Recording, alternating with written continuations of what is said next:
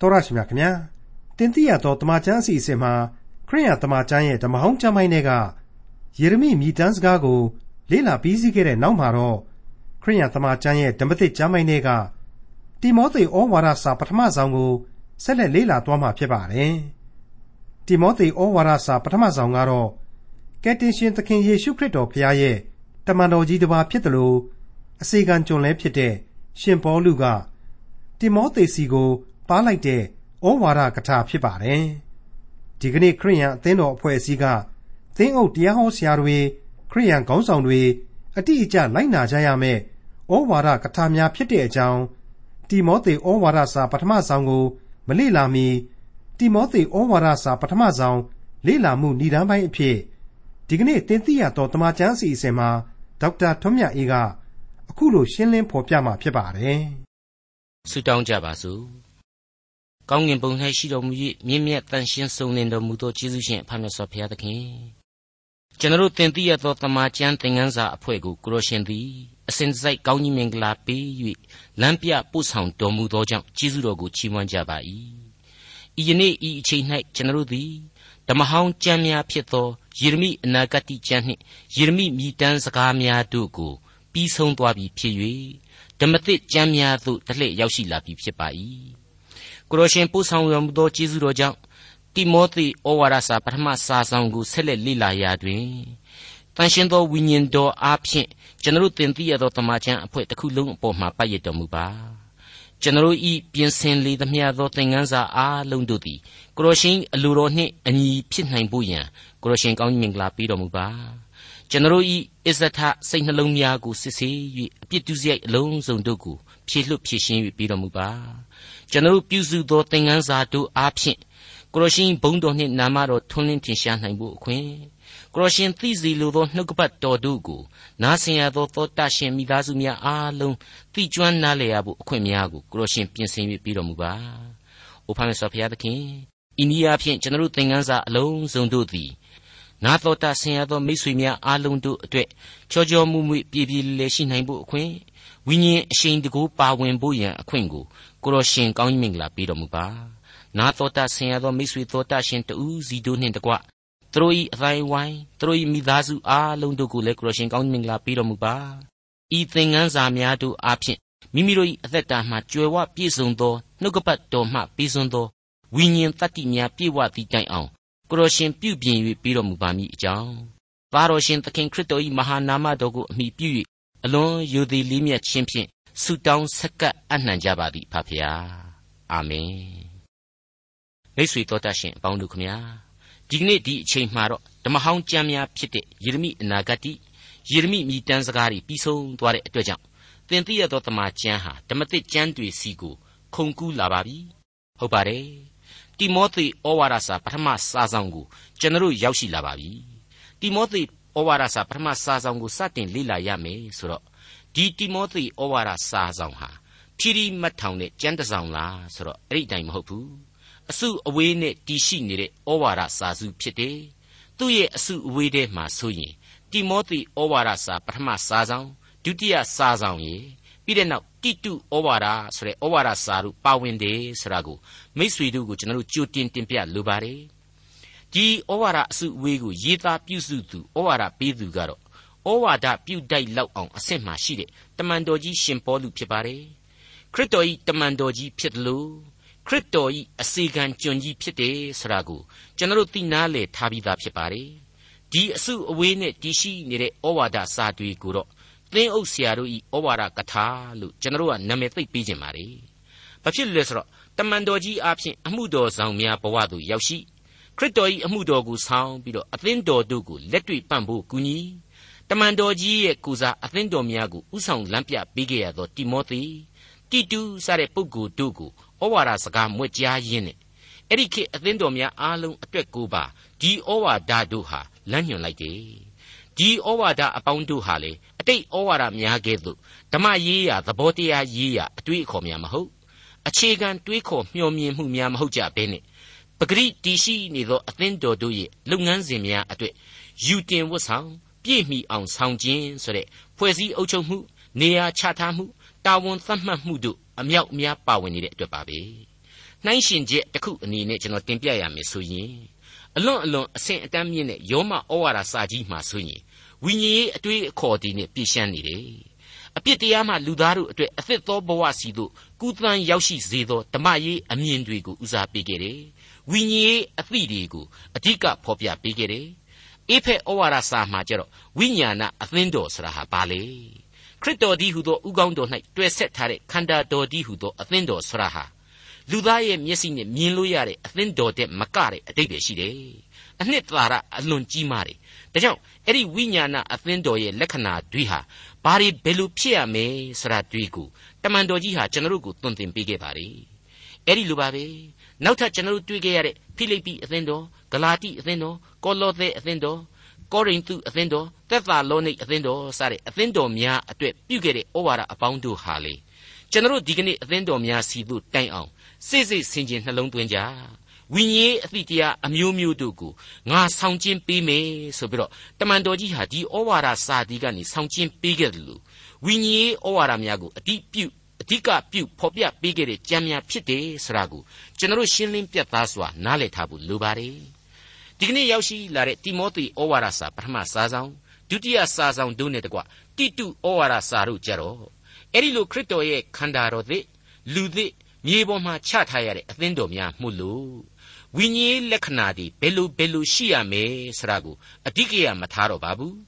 လက်တွေ့အသင်းတော်အမှန်တကယ်ပေါ်ထွန်းနေပြီဖြစ်သောအသင်းတော်ပဂရိတီရှိသောအသင်းတော်သို့မဟုတ်မျက်စိအောက်မှာပင်အမှန်ရှင်သန်နေပြီဖြစ်သော လောကမြေပြင်ပေါ်ကလူအဖွဲ့အစည်းတစ်ခုဟာဘယ်နည်းဘယ်လိုစီကံကိုယူသေးရမယ်နီလန်းတို့ကိုလိုက်နာရမယ်ဆိုတာတွေ့ကိုအတွေးမပါဝင်ဘဲနဲ့အခုကျမ်းတို့ဟာဖော်ပြသွားလိမ့်မယ်လို့ကျွန်တော်မိတ်ဆက်ထားနေကြပါ रे အခုကျွန်တော်တို့စတင်လေ့လာသွားရမယ်တိမောသေဩဝါဒစာပထမစာဆောင်ပြီးတော့ဒုတိယစာဆောင်နဲ့နောက်ပိုင်းတိတုဩဝါဒတို့ဟာအဓိကအားဖြင့်အချက်ကြီးနှစ်ချက်ကိုအဓိကထားမဲ့ဩဝါဒတွေဖြစ်တယ်လို့ကျွန်တော်ဆိုချင်ပါတယ် အဲ့ဒီအချက်တွေကတော့အခြားဩဝါဒတွေနဲ့သဘောချင်းဆင်တူတယ်ဝိညာဉ်ခွန်အားကိုလည်းပေးတယ်ဆိုတာကိုတွေ့နိုင်ပါတယ်ဟုတ်ပါတယ်ကိအခြေခံမူဝါဒများနှစ်လုပ်ငန်းဆောင်ရွက်ချက်များဆိုတဲ့အချက်နှစ်ချက်ပဲဖြစ်ပါတယ်ဒီတော့ဒါဟာကျွန်တော်တို့တွေ့ကြရပြီးတဲ့အခြားသောဩဝါဒတွေမှာလေရေပုံရအားဖြင့်တော့ဒီအချက်နှစ်ချက်ဟာအတိတ်ကရှိခဲ့တာပဲဆိုတာကိုကျွန်တော်တို့တွေ့နိုင်ပါတယ်အခုကြမ်းများနဲ့လေအတူတူလိုပဲကျွန်တော်တို့ခံယူနိုင်ပါတယ် တခုတိတိတသာခြားနာနေတာကတော့အခြားသောဩဝါဒတွေမှာတုန်းကအခြေခံမူဝါဒဆိုတာဟာဝိညာဉ်ရေးသဘောတရားတွေအတွေးအခေါ်တွေကလာတယ်လုပ်ငန်းလမ်းညွှန်တွေဟာအဲ့ဒီဝိညာဏအတွေးအခေါ်သဘောတရားတွေကနေပြီးတော့မှဆက်လက်ဖြန့်ကျက်လာခြင်းဖြစ်တယ်ဆိုတာကိုအခြားသောဩဝါဒတွေမှာတွေ့ကြရပါတယ်အခုတိမောသေဩဝါဒစာများနဲ့တိတုကြတော့အခြေခံမူဝါဒတို့သည်အသင်းတော်တစ်ခုစီအတွင်းသရုပ်ဖြစ်စေရမယ် လုပ်ငန်းလမ်းညွှန်တို့သည်လက်တွေ့ကျသောအသင်းတော်ဤပြင်ပသရုပ်များအဖြစ်သူတစ်ပါးတို့မြင်တွေ့စေရမယ်ဆိုတဲ့ခြားနာချက်ဟာပေါ်ထွက်လာပါတယ်ဒါကိုရှေရှေဝေးဝေးကျွန်တော်ကရှင်းပြနေတော့တချို့တချို့စိတ်မရှိတဲ့လူအဖို့နားများညီးလီမလားလို့ကျွန်တော်တွားတွေးမိပါတယ်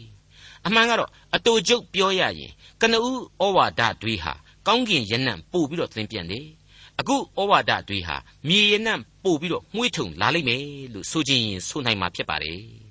ဒါကိုပဲစာတွေ့နဲ့လက်တွေ့ဆိုပြီးတော့နှစ်ပိုင်းခွဲခြားခံယူမယ်ဆိုရင်လည်းသိပ်ပြီးတော့မှားလိမ့်မယ်လို့ကျွန်တော်မထင်ပါဘူးတစ်အချက်ဖြစ်တဲ့အခြေခံမူဝါဒဆိုတဲ့နေရာမှာအသင်းတော်တစ်ခုစီရဲ့မူဝါဒတို့ဟာတိကျပြတ်သားရမယ်ဆိုတာကိုအခုကျမ်းတွေဟာဖော်ပြပေးလိမ့်မယ်လို့ကျွန်တော်ဆိုချင်ပါတယ်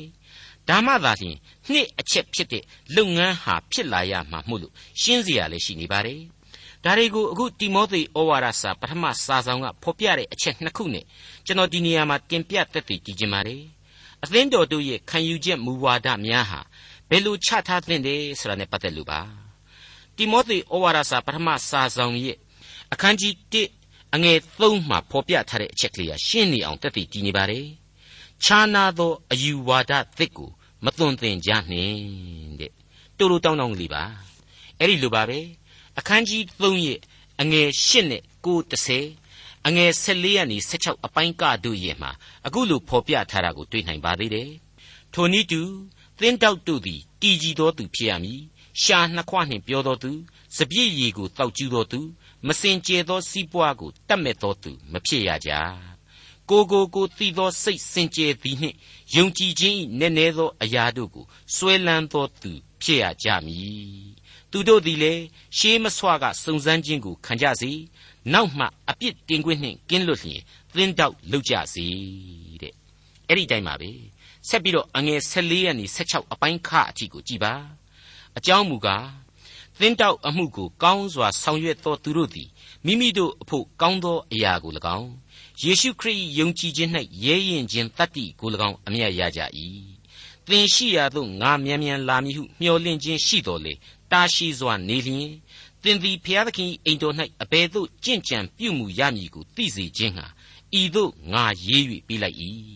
ထိုအိမ်တော်ကအသက်ရှင်တော်မူသောဖျားသခင်အသင်းတော်ဖြစ်၏ထိုအသင်းတော်ကသမာတရား၏အမိတကယ်ဖြစ်၏သမာတရား၏တရားလည်းဖြစ်၏မှန်သောကိုးကွယ်ခြင်း၏နည်းနည်းသောအရာသည်ကြီးစွာသောအရာဖြစ်သည်ဟုညင်းခုန်ရန်မရှိတဲ့အဲ့ဒီလိုတဲ့တို့ဖော်ပြမှုတွေ ပြတ်သားတဲ့စီကံကလနာတို့တွေဟာဒီဩဝါဒစာဒီကျမ်းစာရဲ့သဘောတရားကိုထေရှားပေါ်လွင်သိတာစေလိမ့်မယ်လို့ကျွန်တော်ထင်ပါတယ်မိတ်ဆွေအပေါင်းတို့အဲ့ဒီအချက်တွေကိုထောက်ရှုခြင်းအပြင်ကျွန်တော်လေ့လာခဲ့ရပြီးဖြစ်တဲ့အတိတ်ကဩဝါဒကျမ်းစာကြီးများဟာဝိညာဉ်ရေးသဘောတရားတွေကိုသွန်သင်ပေးပြီးတော့ယုံကြည်ခြင်းအသက်တာမှာဖွံ့ဖြိုးစေဖို့ရန်ဓမ္မရေးအသိပညာများကိုလေခန်းစားရရှိစေဖို့ရန်ဖြစ်တယ်ဆိုတာကိုကျွန်တော်တွေ့ခဲ့ရတယ်အခုတိမောသေဩဝါဒစာ တိတုဩဝါဒစာများကတော့အသင်းတော်ယုံကြည်သူတို့ကြားမှာတွန်းအားတစ်ခုပေးပြီးတော့အလုတ်ကိုဖြစ်လာစေတယ်တက်ကြွစွာပါဝင်ဆောင်ရွက်နိုင်ဖို့ရန်ခွန်အားများကိုလေဖြည့်ဆည်းပေးလိုက်တယ်လို့ကျွန်တော်တို့မြင်လာရပါတယ်ဒီတော့ဒီဩဝါဒကျမ်းကြီးအသီးအသီးတို့ဟာအလွန်အလွန်ကောင်းမွန်တဲ့အသက်လမ်းကိုပြုစုပြိုးထောင်မှုများသူ့အပိုင်းနဲ့သူရှိနိုင်အောင်လို့အဖဖျားသခင်ရဲ့ဝိညာဉ်တော်မှုတ်သွင်းပြီးသောစာပေများပဲဖြစ်တယ်လို့ကျွန်တော်ရှင်းလင်းပြတ်သွားစွာခံယူနိုင်ကြပါတယ် ကျွန်ုပ်တို့လျှောက်ရလမ်းခရီးရဲ့ရှေ့မှာစီမီကွက်ပမာအလင်းကိုပေးစွမ်းသောကြံများဖြစ်တယ်လို့ကျွန်တော်ဆိုချင်ပါတယ်ကောင်းပါပြီမူဝါဒရှိပြီလုပ်ငန်းတွေဖြစ်လာပြီဆိုတော့မရှိရင်မဖြစ်တဲ့အဖွဲ့ရဲ့ဥဆောင်မှုအခန်းကဏ္ဍတွေအဖွဲ့အစည်းတစ်ခုရဲ့ခေါင်းဆောင်မှုအပိုင်းတွေဟာအလိုအလျောက်ပါဝင်လာရတယ်ဒါမှလည်းစီကံကြနာတဲ့အသင်းအဖွဲ့ဖြစ်လာမယ်မဟုတ်ဘူးလားတနည်းပြောရရင်တော့အဲ့ဒီမူဝါဒကိုအကောင်အထည်ဖော်ရမယ်အပိုင်းတွေကိုဆက်ပြီးတော့စဉ်းစားရင် ကင်တွယ်ဖြည့်ရှင်းမှုဆိုတာဟာမရှိရင်မဖြစ်ဘူးရှိကိုရှိလာရမှာပဲအဲ့ဒီလိုကင်တွယ်ဖြည့်ရှင်းမဲ့အဖွဲ့အစည်းဟာလိုအပ်လာတယ်ကြီးကြပ်ပေးရသောအဖွဲ့အစည်းစီကံထိမ့်သိမ့်ပေးရသောအဖွဲ့အစည်းအဖဖျားသခင်ကိုစားမြေပေါ်မှာရှောက်သွားနေရတဲ့အသင်းတော်အတွက်လမ်းပြရမယ်အဖွဲ့အစည်းပေါ့ဓမ္မအမှုတော်ဆောင်တယောက်ဟာသင်းအုပ်အဖြစ်နဲ့အသင်းတော်အဖွဲ့အစည်းတစ်ခုကိုတာဝန်ယူပြီးဆိုရင်ယုံကြည်သူအသင်းတော်ရဲ့စီးလုံးညီညွတ်ရေးနဲ့တိုးတက်ဖွံ့ဖြိုးရေး အသက်ဝင်လှုပ်ရှားစေရေးတို့အတွက်စပြီးတော့အလုပ်လုပ်ပေးရပါတယ်ခရစ်တော်ဒီဟူသောဥကောင်းနဲ့တွေ့ဆက်ထားတဲ့ဆိုပေမဲ့ဒီအသင်းတော်ဟာမြေပေါ်မှာခြေချက်ထားရတယ်မဟုတ်ဘူးလားမြေကြီးနဲ့ပတ်သက်တဲ့တာဝန်တွေဟာအမြောက်အများပဲအဲ့ဒီထဲမှာဆိုရင်အသင်းတော်ရဲ့အင်အားပမာဏပေါ်မှာမူတည်ပြီးတော့အသင်းတော်ကြီးရင်ကြီးတယ်လို့ပေါ့ဥပု္ပ္ပစာပြေချောင်းကိစ္စလူငယ်ကြိုးစားခြင်းကိစ္စအမျိုးသားမိသဟာယအမျိုးသမီးမိသဟာယကွာယာသီချင်းတန်ဆုံအဖွဲ့နဲ့သက်ဆိုင်တဲ့ကိစ္စတွေအမျိုးမျိုးရင်ဆိုင်လာရပါတယ် အဆင့်ဆင့်သောတာဝန်များနဲ့ဆောင်ရွက်မှပြီးမြောက်မဲ့အဲ့ဒီလိုအသင်းတော်ရဲ့ကိစ္စပေါင်းများစွာတို့နဲ့ပတ်သက်ပြီးတော့ကိုယ်အသင်းတော်ရဲ့အခြေအနေပေါ်မှာမူတည်ပြီးတော့စီကံနီလန်ကြနာစေဖို့ရန်အတွက်အခုဩဝါဒကျမ်းအစုအဝေးကနေတဆင့်တမန်တော်ကြီးလမ်းညွန်ဩဝါဒများပြုသွားမှာဖြစ်ပါတယ်ဒါကြောင့်မလို့အသင်းတော်ကိုချစ်သူကယ်တင်ရှင်သခင်ခရစ်တော်ရဲ့ကယ်တင်ခြင်းကျေးဇူးတရားကိုယုံကြည်နားလည်သူအသင်းတော်ကိုအခြေခံပြီးတော့အဖဖျားသခင်ရဲ့ဘုန်းတော်ကိုထင်ရှားစေလိုသူ သာသနာပြုလိုသူစတဲ့ပုဂ္ဂိုလ်တွေအားလုံးဟာဒီဩဝါဒစာများကိုအလေးအနက်နားဆွင့်ထောင်သင့်တယ်လို့ကျွန်တော်တင်ပြခြင်းပါတယ်မိတ်ဆွေအပေါင်းတို့ခမညာအခုလိုတိမောသေဩဝါဒစာများနဲ့တကွတိတုဩဝါဒစာတွေဟာ church government လို့ခေါ်တဲ့အသင်းတော်အုပ်ချုပ်မှုရေးရာကိုဦးစားပေးပြီးတော့ဆုံးမဩဝါဒပြုတယ်ဆိုတော့ဒီအဆုံးအမတွေကိုယုံကြည်သူခရိယန်တွေဟာ ဒီလမ်းညွှန်ချက်တွေကိုဘယ်လိုဘယ်လိုခံယူကြသလဲဆိုတာကိုနောက်တစ်ဆင့်တက်ပြီးတော့စဉ်းစားသင့်တယ်လို့ကျွန်တော်ဆိုချင်ပါတယ်တနည်းအားဖြင့်တော့ယုံကြည်သူတို့ရဲ့အသင်းတော်တို့ရဲ့သမိုင်းမှာဒီဩဝါဒတွေကိုဘယ်လိုလက်သင့်ခံခဲ့ကြတယ်ဘယ်လိုနားထောင်ပြီးတော့ဘယ်လိုကျင့်သုံးကြတယ်ဆိုတာတွေကိုပြန်ပြီးတော့ကျွန်တော်တို့သမိုင်းကိုပြန်လှန်ကြည့်သင့်တယ်လို့ကျွန်တော်ဆိုချင်ပါတယ်မိတ်ဆွေအပေါင်းတို့ ကျွန်တော်သင်သိရသောတမန်ကျမ်းအနေနဲ့ကတော့ဒီဩဝါဒကဖော်ပြချက်တွေနဲ့လမ်းညွှန်ချက်တွေဟာရှင်းရှင်းကလေးတွေပဲလို့ကျွန်တော်တို့တွေးခေါ်ပါတယ်ခံလဲခံယူကြပါတယ်ဒါပေမဲ့ကျွန်တော်ရဲ့ဘိုးလောင်းတော်ဘေးလောင်းတော်ယုံကြည်သူကြီးတွေကတော့အဲ့ဒီတိုင်မခံယူနိုင်ခဲ့ကြဘူးရှုပ်တယ်ဆိုပြီးတော့မရှင်းရှင်းအောင်တွေးကြခေါ်ကြရင်းနဲ့ဘယ်သူမှမရှင်းတော့ပဲနဲ့အသင်းတော်အုပ်ချုပ်နီး၃ခုအလို့အလျောက်ဖြစ်သွားခဲ့ရတယ်အုပ်ချုပ်နီး၃ခုဖြစ်သွားတော့ဘာဖြစ်သွားသလဲ သူမှန်တယ်ငါမှားတယ်နဲ့ဂိုင်းပေါင်းမြောက်များစွာအသင်းတော်ပေါင်းမြောက်များစွာပြန်ပြန်ပြန်ပြန်ကွဲထွက်သွားခဲ့ရတယ်အကြမ်းပြင်းအဖြစ်ဒီနေရာမှာကျွန်တော်အနေနဲ့ရှင်းဖို့လိုမယ်ထင်ပါတယ်အမှတ်၁အုပ်စုကတော့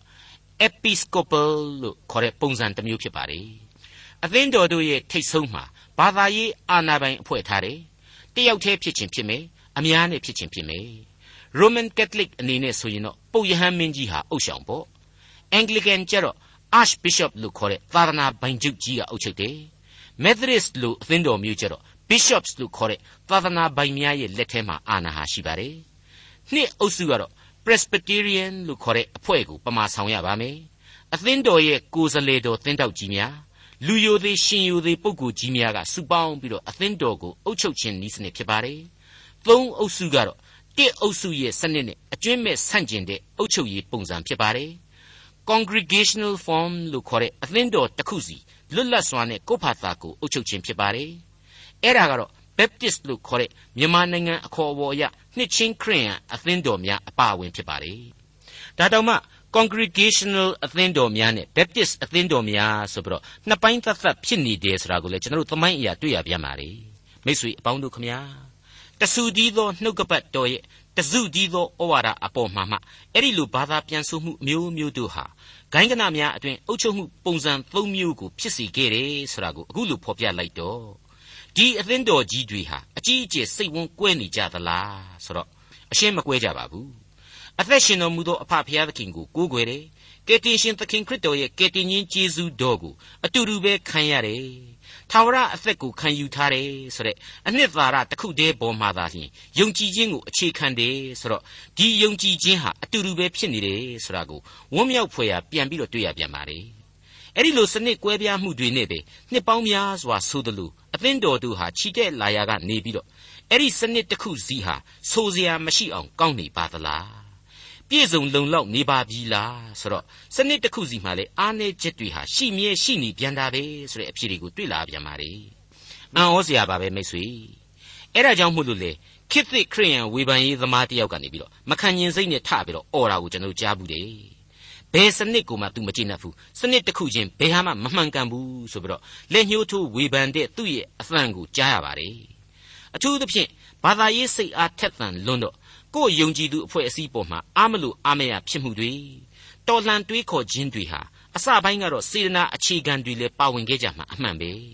ဒါပေမဲ့နောက်ဆုံးမှာဟိုတစဒီတစအထိဖြစ်မကုန်ဘူးလို့မပြောနိုင်တဲ့အတွက်ကြောင့်အဲ့ဒီလိုဝေဖန်သောသူများ၏အဖန်ကိုလေတစ်ဖက်ကတလေးစားပြုတ်သင့်တယ်လို့ကျွန်တော်ခံယူပါတယ်အလွန်အရေးကြီးတယ်လို့လည်းကျွန်တော်ဆိုချင်ပါတယ်ကောင်းပြီ တဆူဒီသောနှုတ်ကပတ်တော်ရဲ့တစုတဝေးဒီရှိသောညွန်ကြားလွှာဒီကနေပြီးတော့မှနီးစနစ်အမျိုးစုံနဲ့အုပ်ချုပ်မှုပုံစံအမျိုးစုံဖြစ်လာတယ်ဒီကြားထဲကလည်းကျေနပ်လောက်အောင်ကိုမဖြစ်နိုင်သေးဘူးဆိုရင်တမန်တော်ကြီးရှင်ပေါလုရဲ့ဒီဩဝါဒစာတွေမှာရှင်စီအနှစ်သာရဟာဘာဖြစ်နိုင်သလဲသေသေးချာစဉ်းစားကြည့်ပါနော်တန်ရှင်းသောဝိညာဉ်တော်ဟာကျွန်တော်တို့ကိုဘာကိုသတိထားစေခြင်းပါသလဲအလေးနဲ့စဉ်းစားကြည့်ကြပါ doctrine လို့ခေါ်တဲ့အခြေခံမူဝါဒကြီးတွေတဲ့အဲ့ဒီမူဝါဒကြီးတွေကိုစုပ်ကိုင်းထားတဲ့လူပုဂ္ဂိုလ်တဦးတယောက်စီရဲ့ဝိညာဉ်ရေးခွန်အားသတ္တိဟာပို့ပြီးတော့အရေးကြီးတယ်ဝိညာဏအရေးအချင်းစိတ်ဓာတ်အရေးအချင်းနဲ့လက်တွေ့ဆောင်ရွက်နိုင်စွမ်းပကားတွေဟာသာလျှင်ပို့ပြီးတော့အရေးကြီးတယ်ဆိုတဲ့သစ္စာတရားဟာပေါ်ထွက်လာပါလေအဲ့ဒီအရေးအချင်းတွေရဲ့လှုပ်ရှားသက်ဝင်မှုဟာတိယုံကြည်ခြင်းခွန်အားဖြစ်ပွားစေတယ်နှစ် မေတ္တာစိတ်သဘောကိုထွန်းကားတိုးတက်စေတယ်လို့လည်းကျွန်တော်ဆက်ပြီးတွေးပါတယ်ဒီယုံကြည်ခြင်းနဲ့ဒီမေတ္တာအားဖြင့်မဆောင်ရွက်နိုင်ဘူးဆိုရင်တော့ယုံကြည်သူအသင်းတော်ရဲ့အုပ်ချုပ်ရေးကြီးတွေဘလောက်ပဲပိုင်ပါတယ်ဘလောက်ပဲကောင်းမွန်မှန်ကန်ပါတယ်ပုဂ္ဂိုလ်တူးချင်းအနေနဲ့လေဘလောက်ပဲဒီလုပ်ငန်းကိုကျွမ်းပါတယ်နိုင်ပါတယ်ဘလောက်ပဲပြောနေနေအကုန်လုံးသဲတဲ့ရည်သွန်ဖြစ်ပြီသွားပြီလို့ပဲကျွန်တော်ပြောပြရစီဟုတ်ပါတယ်မိတ်ဆွေ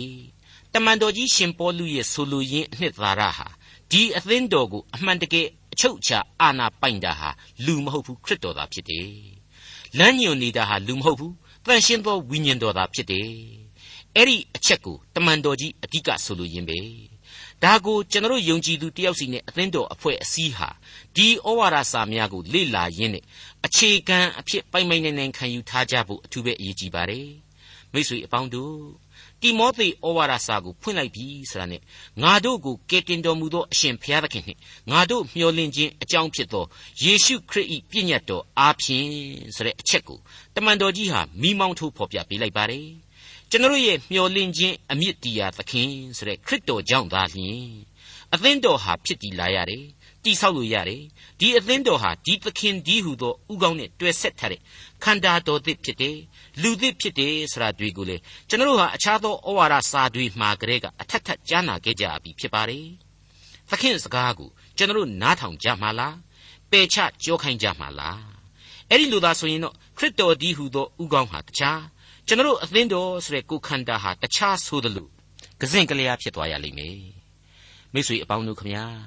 ဒီနေရာမှာဆာလံတီချင်းအမှတ်စဉ်139တဲ့ဒါဝိမင်းကြီးကနှုတ်ကပတ်တော်နဲ့ပတ်သက်ပြီးတော့သူဘလောက်မြတ်နိုးတယ်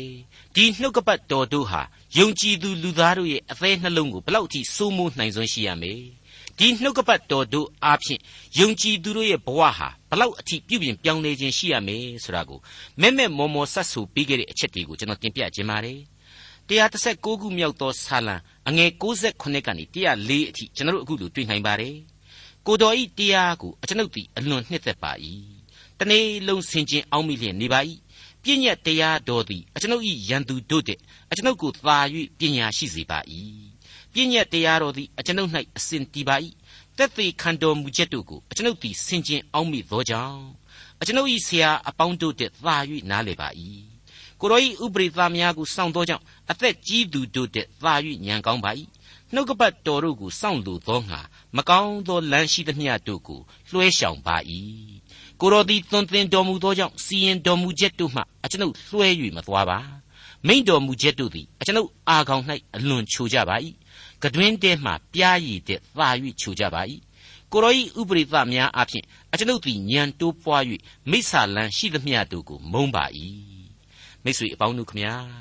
ကျွန်တော်သင်သိရသောသမာကျမ်းရဲ့ရှင်းလင်းဖွင့်ဆိုချက်တွေဟာ ပြည့်ပြည့်စုံလိမ့်မယ်လို့ကျွန်တော်မယုံကြည်ပါဘူး။တန်ရှင်းသောဝိညာဉ်တော်ရဲ့သွန်သင်မှုအားဖြင့်သာလျှင်မိษွေတို့အကျွင့်မဲ့ပြည့်စုံစွာခံစားထိတွေ့နိုင်လိမ့်မယ်လို့ကျွန်တော်အလေးနဲ့ယုံကြည်ပါတယ်။ကိုတော်သည်သွန်သင်တော်မူသောကြောင့်စီရင်တော်မူချက်တို့မှအကျွန်ုပ်တို့လွှဲ၍မသွားပါဆိုသလိုမိษွေတော်တတ်ရှင်တို့အတွက်ဒီနှုတ်ကပတ်တော်သင်ခန်းစာတွေဟာအလွန်ခိုင်မာတဲ့ဘဝလမ်းညွှန်များဖြစ်စီခြင်းပါတယ်။ တန်ရှင်းသောဝိညာဉ်တော်ကောင်းကြီးပေးပါစေလို့လည်းကျွန်တော်တို့ဆုတောင်းမြတ်တာပို့သလျက်ရှိနေပါတယ်အဲ့ဒီ136ခုမြောက်သောဆာလံတဲမှာပဲအငယ်125ကနေစပြီးဖတ်ကြည့်လိုက်မယ်ဆိုရင်အကျွန်ုပ်သည်ကိုတော်ဤကျွန်ဖြစ်ပါ၏တက်သေးခံတော်မူချက်တို့ကိုနားလေနိုင်သောဉာဏ်ကိုပေးသနာတော်မူပါအိုးထာဝရဖေဟာစီရင်တော်မူခြင်းရောက်ပါပြီသူတစ်ပါးများတို့သည်တရားတော်ကိုပယ်ကြပါ၏ အကျွန်ုပ်မူကားပြည့်ညတ်တော်တို့ကိုရွှေတဲ့မကရွှေစင်တဲ့သာ၍နှစ်သက်ပါ၏တို့ဖြစ်လျင်ကိုရောဤဥပရိသအလုံးစုံတို့သည် ဖြောင့်ကြသည်ဟုထင်မှတ်လျက်မိစ္ဆာလန်ရှိသမျှတို့ကိုမုန်းပါ၏မိတ်ဆွေတို့တတ်ရှင်အပေါင်းတို့ခမညာဒီကနေ့ကျွန်တော်တို့လေ့လာရမယ့်တိမောသေဩဝါဒစာများနဲ့တကွတိတုဩဝါဒစာတွေပြီးခဲ့တဲ့ကျွန်တော်တို့လေ့လာခဲ့တဲ့ဩဝါဒစာတွေအကုန်လုံးဟာအခြေခံဝိညာဉ်ရေးခွန်အားကိုတော့ပြုစုပေးနေတာပဲလို့ကျွန်တော်ဆိုချင်ပါတယ် ကျွန်တော်ဆောင်းကဖော်ပြခဲ့တဲ့အတိုင်း doctrine လို့ခေါ်တဲ့အခြေခံမူဝါဒကြီးတွေတဲ့အဲ့ဒီမူဝါဒကြီးတွေကိုစုပ်ကိုင်းထားရတဲ့လူပုဂ္ဂိုလ်များရဲ့ဝိညာဉ်ရေးခွန်အားတတ္တိများဟာပို့ပြီးတော့အရေးကြီးတယ်ဝိညာဏအရေးအချင်းစိတ်ဓာတ်အရေးအချင်းနဲ့လက်တွေ့ဆောင်ရွက်နိုင်စွမ်းပကားတွေဟာပို့ပြီးတော့အရေးကြီးတယ်ဆိုတော့ဘုရားသခင်ဟာလေအဲ့ဒီလိုအစ္ဆထလူသားတို့ရဲ့နှလုံးသားပေါ်မှာကြည့်ပြီးတော့မှမိမိရဲ့ယုံကြည်သူအသင်းတော်ကိုပြုစုပြောင်းထောင်ခြင်းမှာပဲ ဒီအသင်းတော်တွေအားဖြင့်လေမှောင်မိုက်လောကကဘာမြေကြီးရဲ့အလင်းတရားကိုဖြစ်စေဖို့ဘုရားသခင်အလိုတော်ရှိမှာပဲဆိုတာရှင်းနေပါတယ်အဲ့ဒီလိုယုံကြည်သူခေါင်းဆောင်ပိုင်းတို့ရဲ့လှုပ်ရှားသက်ဝင်မှုဝိညာဉ်ခွန်အားကြီးမားမှုအပေါင်းတို့ဟာယုံကြည်ခြင်းခွန်အားနဲ့မေတ္တာစိတ်တော်ကိုထွန်းကားတိုးတက်စေတယ်လို့ကျွန်တော်ကစောမိုင်းတင်ပြထားခဲ့တဲ့အတွက်ကြောင့်ကယ်တင်ရှင်သခင်ခရစ်တော်ကိုယ်တော်တိုင်ဟာသူလူစားတိကိုခံယူခြင်းမှာ အသင်းတော်နဲ့ယုံကြည်သူများတို့အတွက်ဘယ်လိုတရားဟောခဲ့တယ်ဆိုတာကိုကျွန်တော်ပြန်လည်ပြီးတော့အမှတ်ရစေခြင်းပါတယ်ရှင်ယောဟန်ခရစ်ဝင်ကျမ်းအခန်းကြီး15အငယ်9မှ12ကိုပြန်ပြီးတော့ကြည့်စေခြင်းပါတယ်ငါသည်စပြစ်နွယ်ပင်ဖြစ်၏သင်တို့သည်အခက်များဖြစ်ကြ၏အကျဉ်သူသည်ငါ၌တည်၍ငါသည်လည်းထိုသူ၌တည်၏ထိုသူသည်များစွာသောအသီးကိုတည်တတ်၏ငါနှင့်ကြွာလျင်သင်တို့သည်အဘယ်အမှုကိုမျှမတတ်နိုင်ကြငါ၌မတည်သောသူသည် သွေးချောက်သောအခက်ကဲ့သို့ပြင်သို့ပြစ်လိုက်ခြင်းကိုခံရ၏ဤသို့သောအခက်များကိုလူတို့သည်စုသိမ့်၍မိထဲသို့ချလိုက်ကြသဖြင့်မိလောင်ခြင်းသို့ရောက်ကြ၏သင်တို့သည်ငါ၌တည်၍ငါစကားသည်သင်တို့၌တည်လျင်သင်တို့သည်တောင်းကျင်သမျှကိုတောင်း၍ရကြလိမ့်မည်သင်တို့သည်များစွာသောအသီးကိုသီးသောအဖြစ်ငါခမည်းတော်သည်ဘုံထင်ရှားတော်မူ၍သင်တို့သည်လည်းငါ၏တပည့်မှန်ကြလိမ့်မည် ခမည်းတော်သည်ငါကိုချစ်တော်မူတဲ့ကဲ့သို့ငါသည်သင်တို့ကိုချစ်၏ငါ၏ချစ်ချင်းမေတ္တာ၌တည်နေကြလော့ငါသည်ငါခမည်းတော်၏ပြည့်ညတ်တို့ကိုစောင့်ရှောက်၍ခမည်းတော်၏မေတ္တာ၌တည်နေတဲ့ကဲ့သို့သင်တို့သည်ငါပြည့်ညတ်တို့ကိုစောင့်ရှောက်လျင်ငါမေတ္တာ၌တည်နေကြလိမ့်မည်သင်တို့၌ငါဝမ်းမြောက်เสียအကြောင်းတည်စေခြင်းဟာ၎င်းသင်တို့ဝမ်းမြောက်เสียအကြောင်းစုံလင်စေခြင်းဟာ၎င်းဤစကားကိုသင်တို့အားငါဟောပြော၏ ငါပြည့်ညတ်ဟုမူကားငါသည်သင်တို့ကိုချစ်သည်နိတူသင်တို့သည် အချင်းချင်းချစ်ကြလော့မိတ်ဆွေခရစ်တော်ကိုယုံကြည်ခြင်းနဲ့ချစ်ခြင်းဆိုတာဟာဘလောက်အထိအရေးပါအရာရောက်တယ်အရေးကြီးနေတယ်ဆိုတာကိုတရက်ပို့ပြီးရှင်းအောင်နောက်ထပ်ဘာမှကျွန်တော်ဆက်ပြီးတော့ရှင်းမနေနိုင်တော့ပါဘူးနှုတ်ကပတ်တော်ရဲ့အဆက်ဆက်သောသင်ခန်းစာတို့ဟာအကောင်းဆုံးရှင်းလင်းပေးခဲ့ပြီးပြီလို့ပဲတင်ပြခြင်းပါတယ်အဲ့ဒီလိုချစ်၍ထမ်းရသောဝန် ချစ်၍ဆောင်ရသောဝတ္တရားဖြစ်တဲ့အသင်းတော်ရဲ့တာဝန်တွေယုံကြည်သူအဖွဲ့အစည်းတို့ရဲ့လုပ်ငန်းတွေကိုဝိညာဉ်ခွန်အားအပြည့်အဝနဲ့သာလုပ်ကင်ဆောင်ရွက်ကြရလိမ့်မယ်ကျွန်တော်ရှေ့မှာရှိနေတဲ့တိမောသေဩဝါဒစာဟာဖြင့်ခရစ်တော်ကိုတကယ်ချစ်ပါတယ်ယုံကြည်ပါတယ်ဆိုတဲ့အသင်းတော်နဲ့တကွယုံကြည်သူတဦးချင်းကိုကောင်းကြီးမင်္ဂလာများနဲ့ပတ်ရပြီးတော့ဆုံးမဩဝါဒပေးဖို့ရန်စောင့်စားနေပြီလို့ကျွန်တော်အစီရင်ခံလိုက်ပါရစေဒေါက်တာထွန်းမြတ်ရေးစီစဉ်တင်ဆက်တဲ့တင်ပြတော်တမချန်းအစီအစဉ်ဖြစ်ပါတယ် နောက်တစ်ချိန်အစီအစဉ်မှာခရိယံတမချန်းရဲ့ဓမ္မသစ်ကျမ်းပိုင်းတွေကတိမောသေဩဝါဒစာပထမဆုံးအခန်းကြီး1အခန်းငယ်1ကနေအခန်းငယ်9အထိကိုလေ့လာမှဖြစ်တဲ့အတွက်စောင့်မျှော်နားဆင်နိုင်ပါတယ်။